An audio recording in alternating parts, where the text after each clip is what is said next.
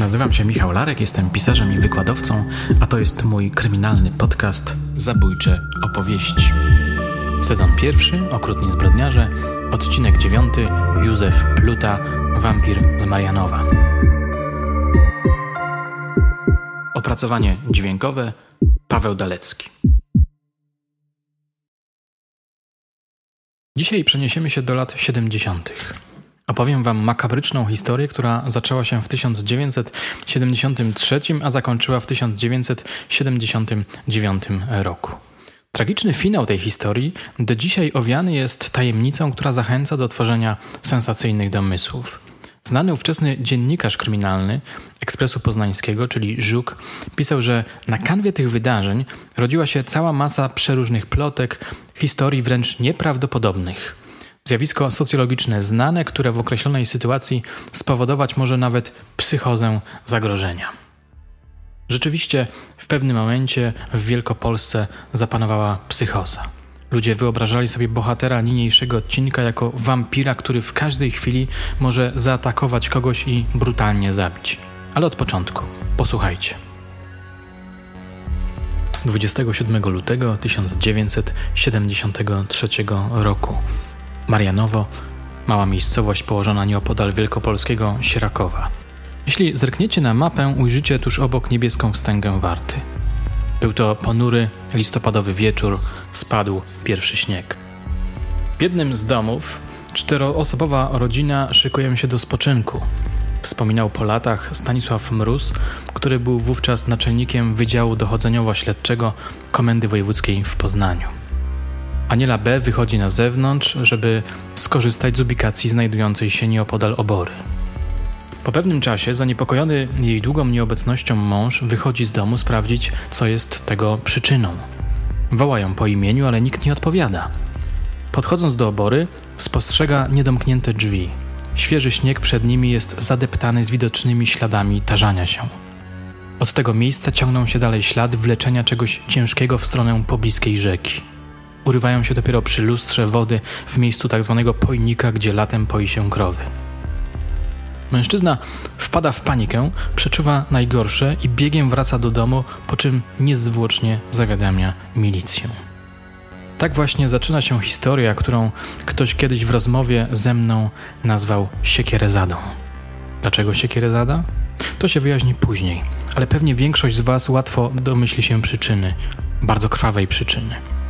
Tymczasem wróćmy do wspomnień pułkownika Mroza, które zapisał w swojej książce zatytułowanej Wydział jego młodszy kolega Miłosław Czarnecki, emerytowany dzisiaj oficer poznańskiej policji.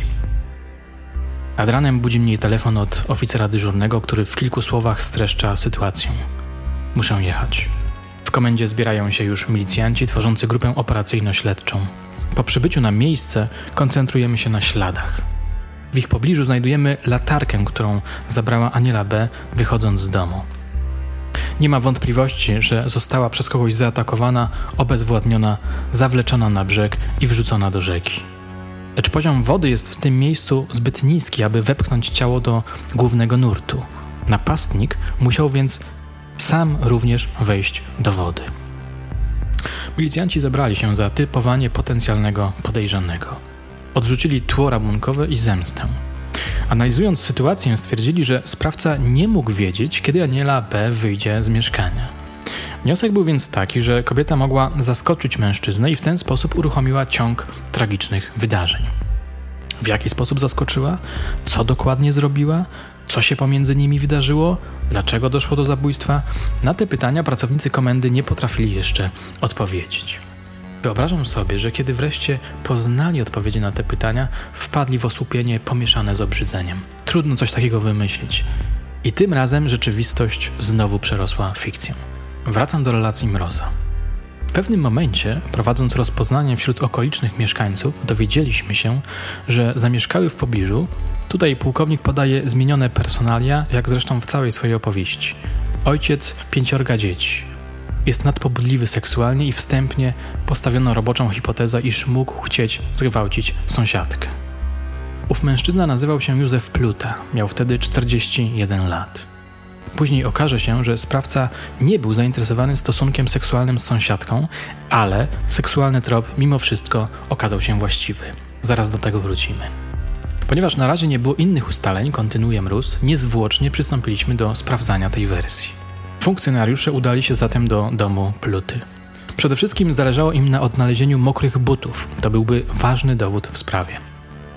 Ustalono, iż na co dzień chodził w wysokich butach gumowo-filcowych. Zapytany o nie stwierdził jednak, że były już stare i dawno je wyrzucił, opowiadał pułkownik Mróz. Nie uwierzyliśmy mu, bo ludzie mówili, że widziano go w nich jeszcze poprzedniego dnia. Zaczęliśmy już myśleć o rozszerzeniu obszaru poszukiwań, gdy ktoś zwrócił uwagę na strych. Tam dość szybko na nie natrafiliśmy. Stały mokre wśród różnych rupieci. Odnalezienie butów okazało się przełomowym momentem. Pluta zaczął wtedy płakać. Rozsypał się, przyznał się do zabójstwa, opisał jego okoliczności. Posłuchajcie.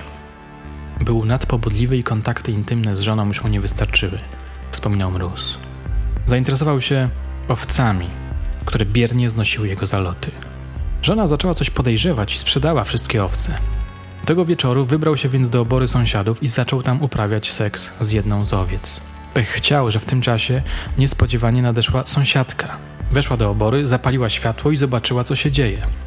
Zaskoczona krzyknęła: Co ty robisz? Jak wszystkim powiem, i chciała odejść. On jednak zdążył dobiec i uderzyć ją drzwiami.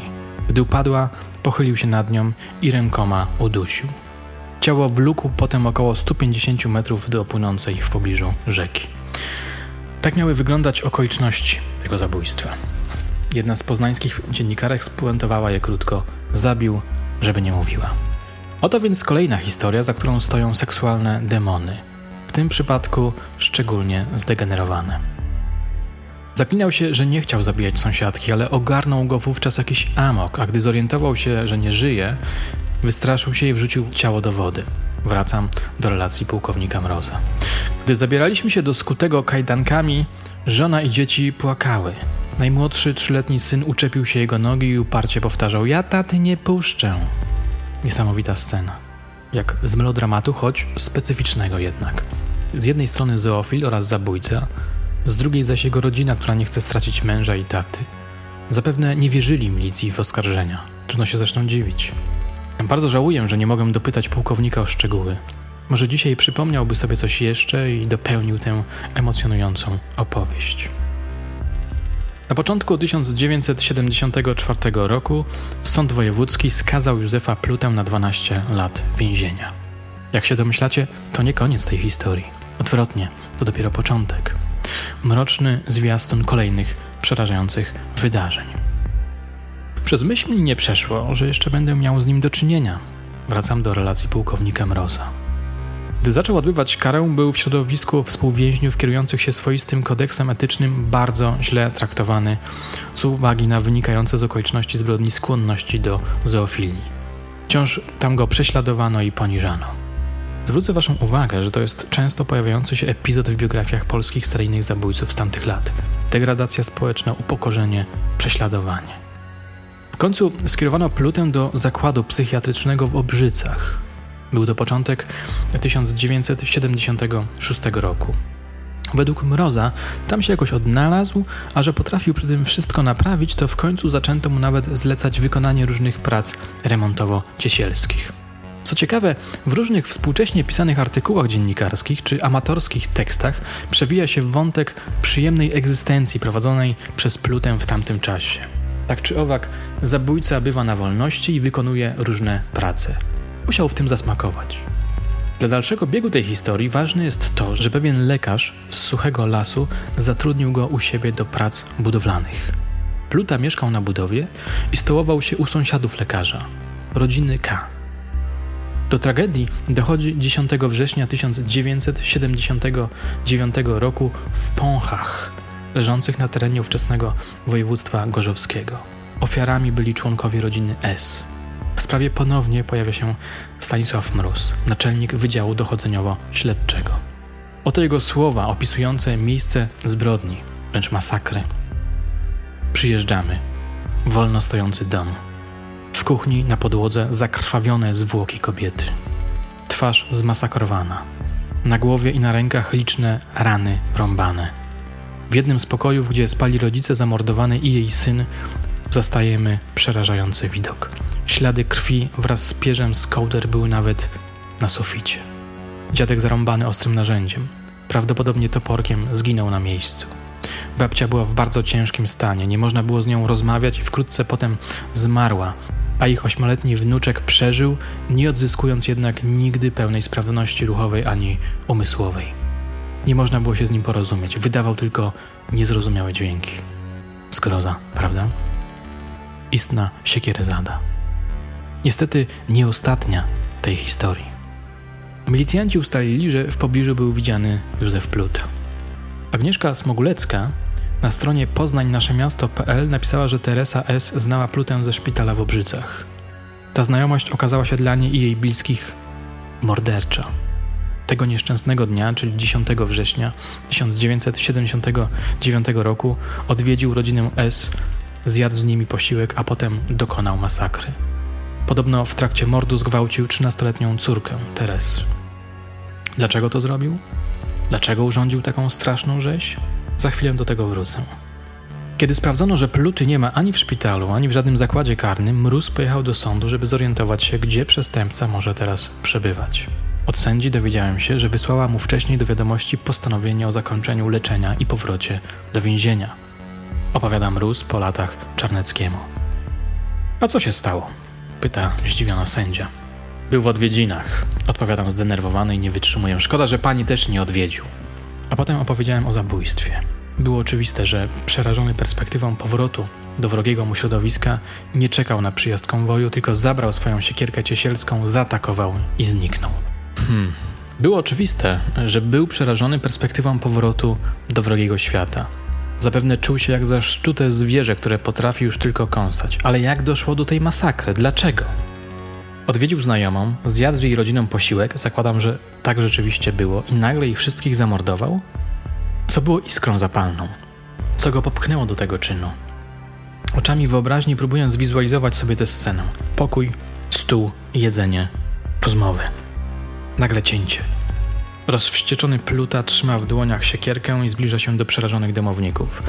Zaczyna mówić niespokojnie, że nie wróci do więzienia. Monolog zamienia się w krzyk. Pluta podnosi dłoń. I zaczyna się siekierezada. Krzyki, płacz, krew. Skoro zgwałcił dziewczynkę, musiał się podniecić w czasie zabijania, a to z kolei stanowi ważną informację na temat jego osobowości. Po wszystkim opuścił dom i ruszył przed siebie. Wyobrażam sobie, że jego egzystencja zamieniła się w paniczną ucieczkę przed milicją, przybierając iście filmowy charakter. Podchodził do wsi, szukając żywności, okradał piwnicę, zabierał mleko i mięso, pisze Smogulecka. W gruncie rzeczy Pluta walczył wtedy o przetrwanie. Myślę, że mógł być na granicy rozpaczy. Nie miał już przecież żadnych perspektyw przed sobą, a to źle wróżyło. 13 września 1979 roku prokuratura wojewódzka w Gorzowie Wielkopolskim wystawiła list gończy za Józefem Plutą. 20 października 1979 roku Pluta pojawił się w podpoznańskim Suchym Lesie. Tam, gdzie nadzorował budowę willi lekarza, czytam w gazecie lubuskiej. Obserwował dom, w którym był zakwaterowany. Kiedy domownicy byli w łóżkach, zaatakował. Przypominam, że to była rodzina K, u których się stołował. W trakcie ucieczki zabija zatem znajomych. Dlaczego akurat znajomych? Porozmawiam kiedyś o tym z psychologami. Wydaje się to zaskakujące, ale może wcale takie nie jest. Szczegółów tej zbrodni pewnie nigdy nie poznamy. Pozostaje nam spekulacja, wyobraźnia, fantazja. Przede wszystkim pytania, że jak słyszycie bezustannie zadaję sobie i wam. Może po prostu wszedł, zaczął szukać jedzenia, a gdy został na tym nakryty, użył swojej siekierki. Może, a może było zupełnie inaczej. Następnego dnia w prasie i telewizji pojawiły się wizerunki Pluty z informacją, że milicja poszukuje tego szczególnie niebezpiecznego przestępcy. Wtedy zaczęła się psychoza. Ciekawie opisuje ją przywoływana już Agnieszka Smogulecka. Posłuchajcie. Kto ty jesteś, Pluta mały? Jaki znak twój? Topór biały. Gdzie ty mieszkasz? W suchym lesie. Co ty niesiesz? Trupa niesę. Gdy starsze dzieci powtarzały ten wierszyk w Poznaniu, a właściwie w całej Wielkopolskiej Lubuskiem nakręcała się spirala strachu. Gdy się ściemniało, pustoszały ulice, podwórka i przydomowe ogrody. Ludzie się bali. Poszukiwany Józef Pluta, szczególnie niebezpieczny, za pomoc w ukrywaniu grozi kara. Milicyjne komunikaty powtarzano w radiu niemal przez cały dzień. Seryjny zabójca, wampir, powtarzali ludzie. Ich strach pogłębiały ciągle pojawiające się doniesienia o tajemniczym, brodatym mężczyźnie widzianym w lasach. Jak ja się bałam. Podobno ktoś widział go w okolicy. Po pięć razy sprawdzałam, czy zamknęłam drzwi na klucz, kazałam dzieciom siedzieć w domu, opowiada 70-letnia dziś poznanianka z Nowego Miasta.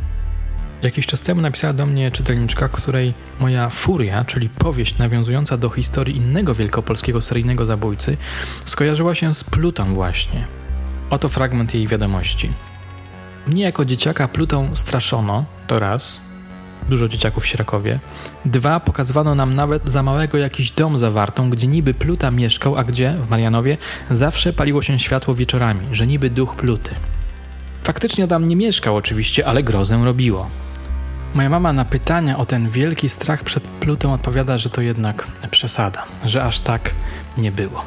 Tak czy owak, tego rodzaju świadectw pamięci po Wielkopolsce krąży dzisiaj całkiem sporo, co pokazuje, że w pewnym momencie Pluta stał się mityczną postacią, figurą rodem z horroru, która ucieleśnia nasze lęki przed zewnętrznym zagrożeniem.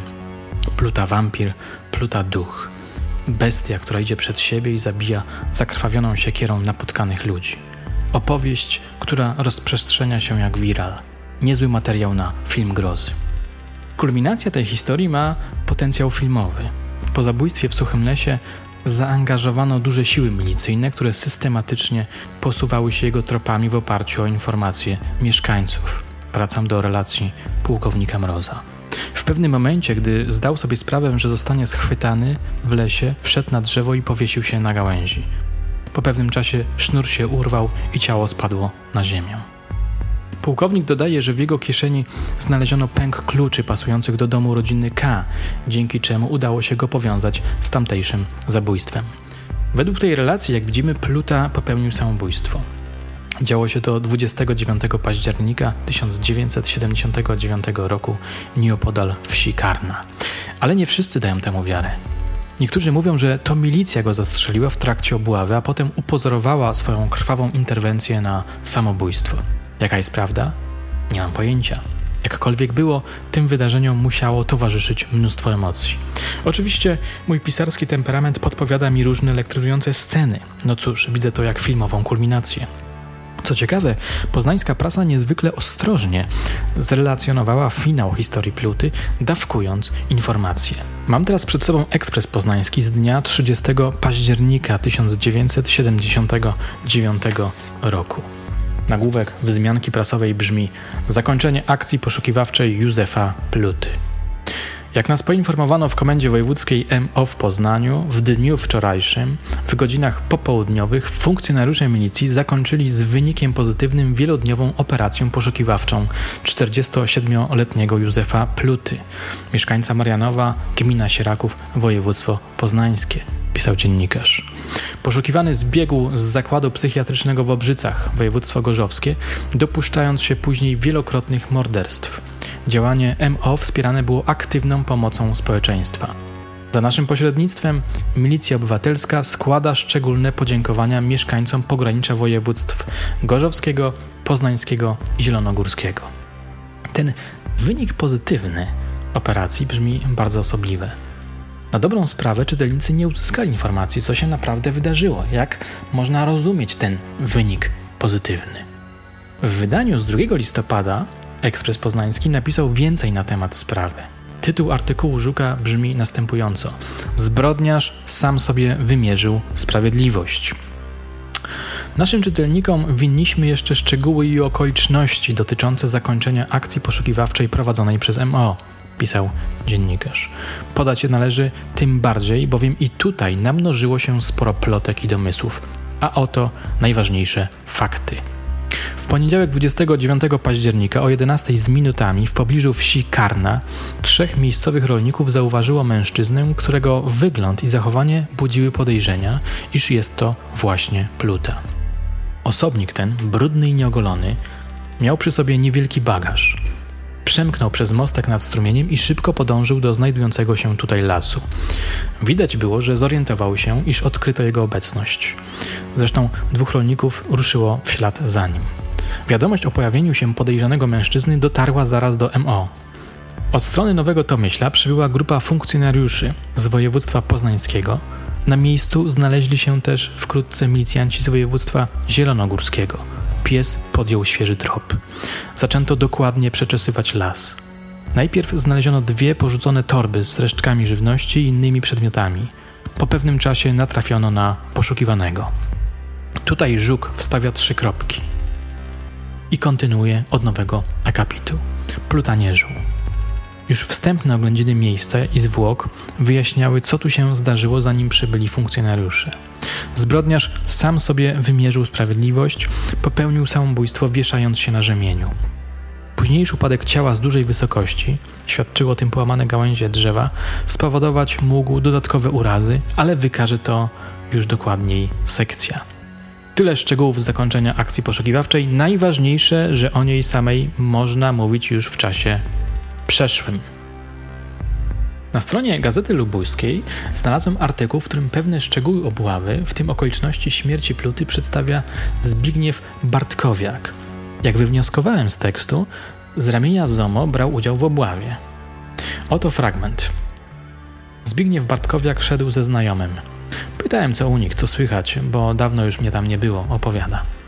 Nagle zauważył, że na jednej z kilku sosen coś się ruszyło, jakby w konarach było coś ciemniejszego.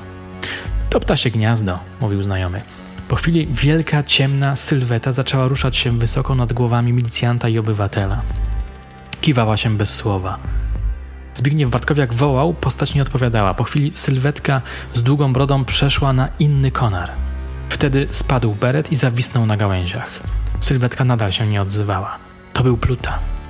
Ludzie i milicja obstawili drzewo. Chcieli je nawet ścinać, żeby morderca spadł. Inni mieli zamiar wchodzić po Plutę na sosnę. Bartkowiak się nie zgodził. To był bardzo groźny i bezwzględny człowiek, zabijał bez zająknięcia, przyznaje.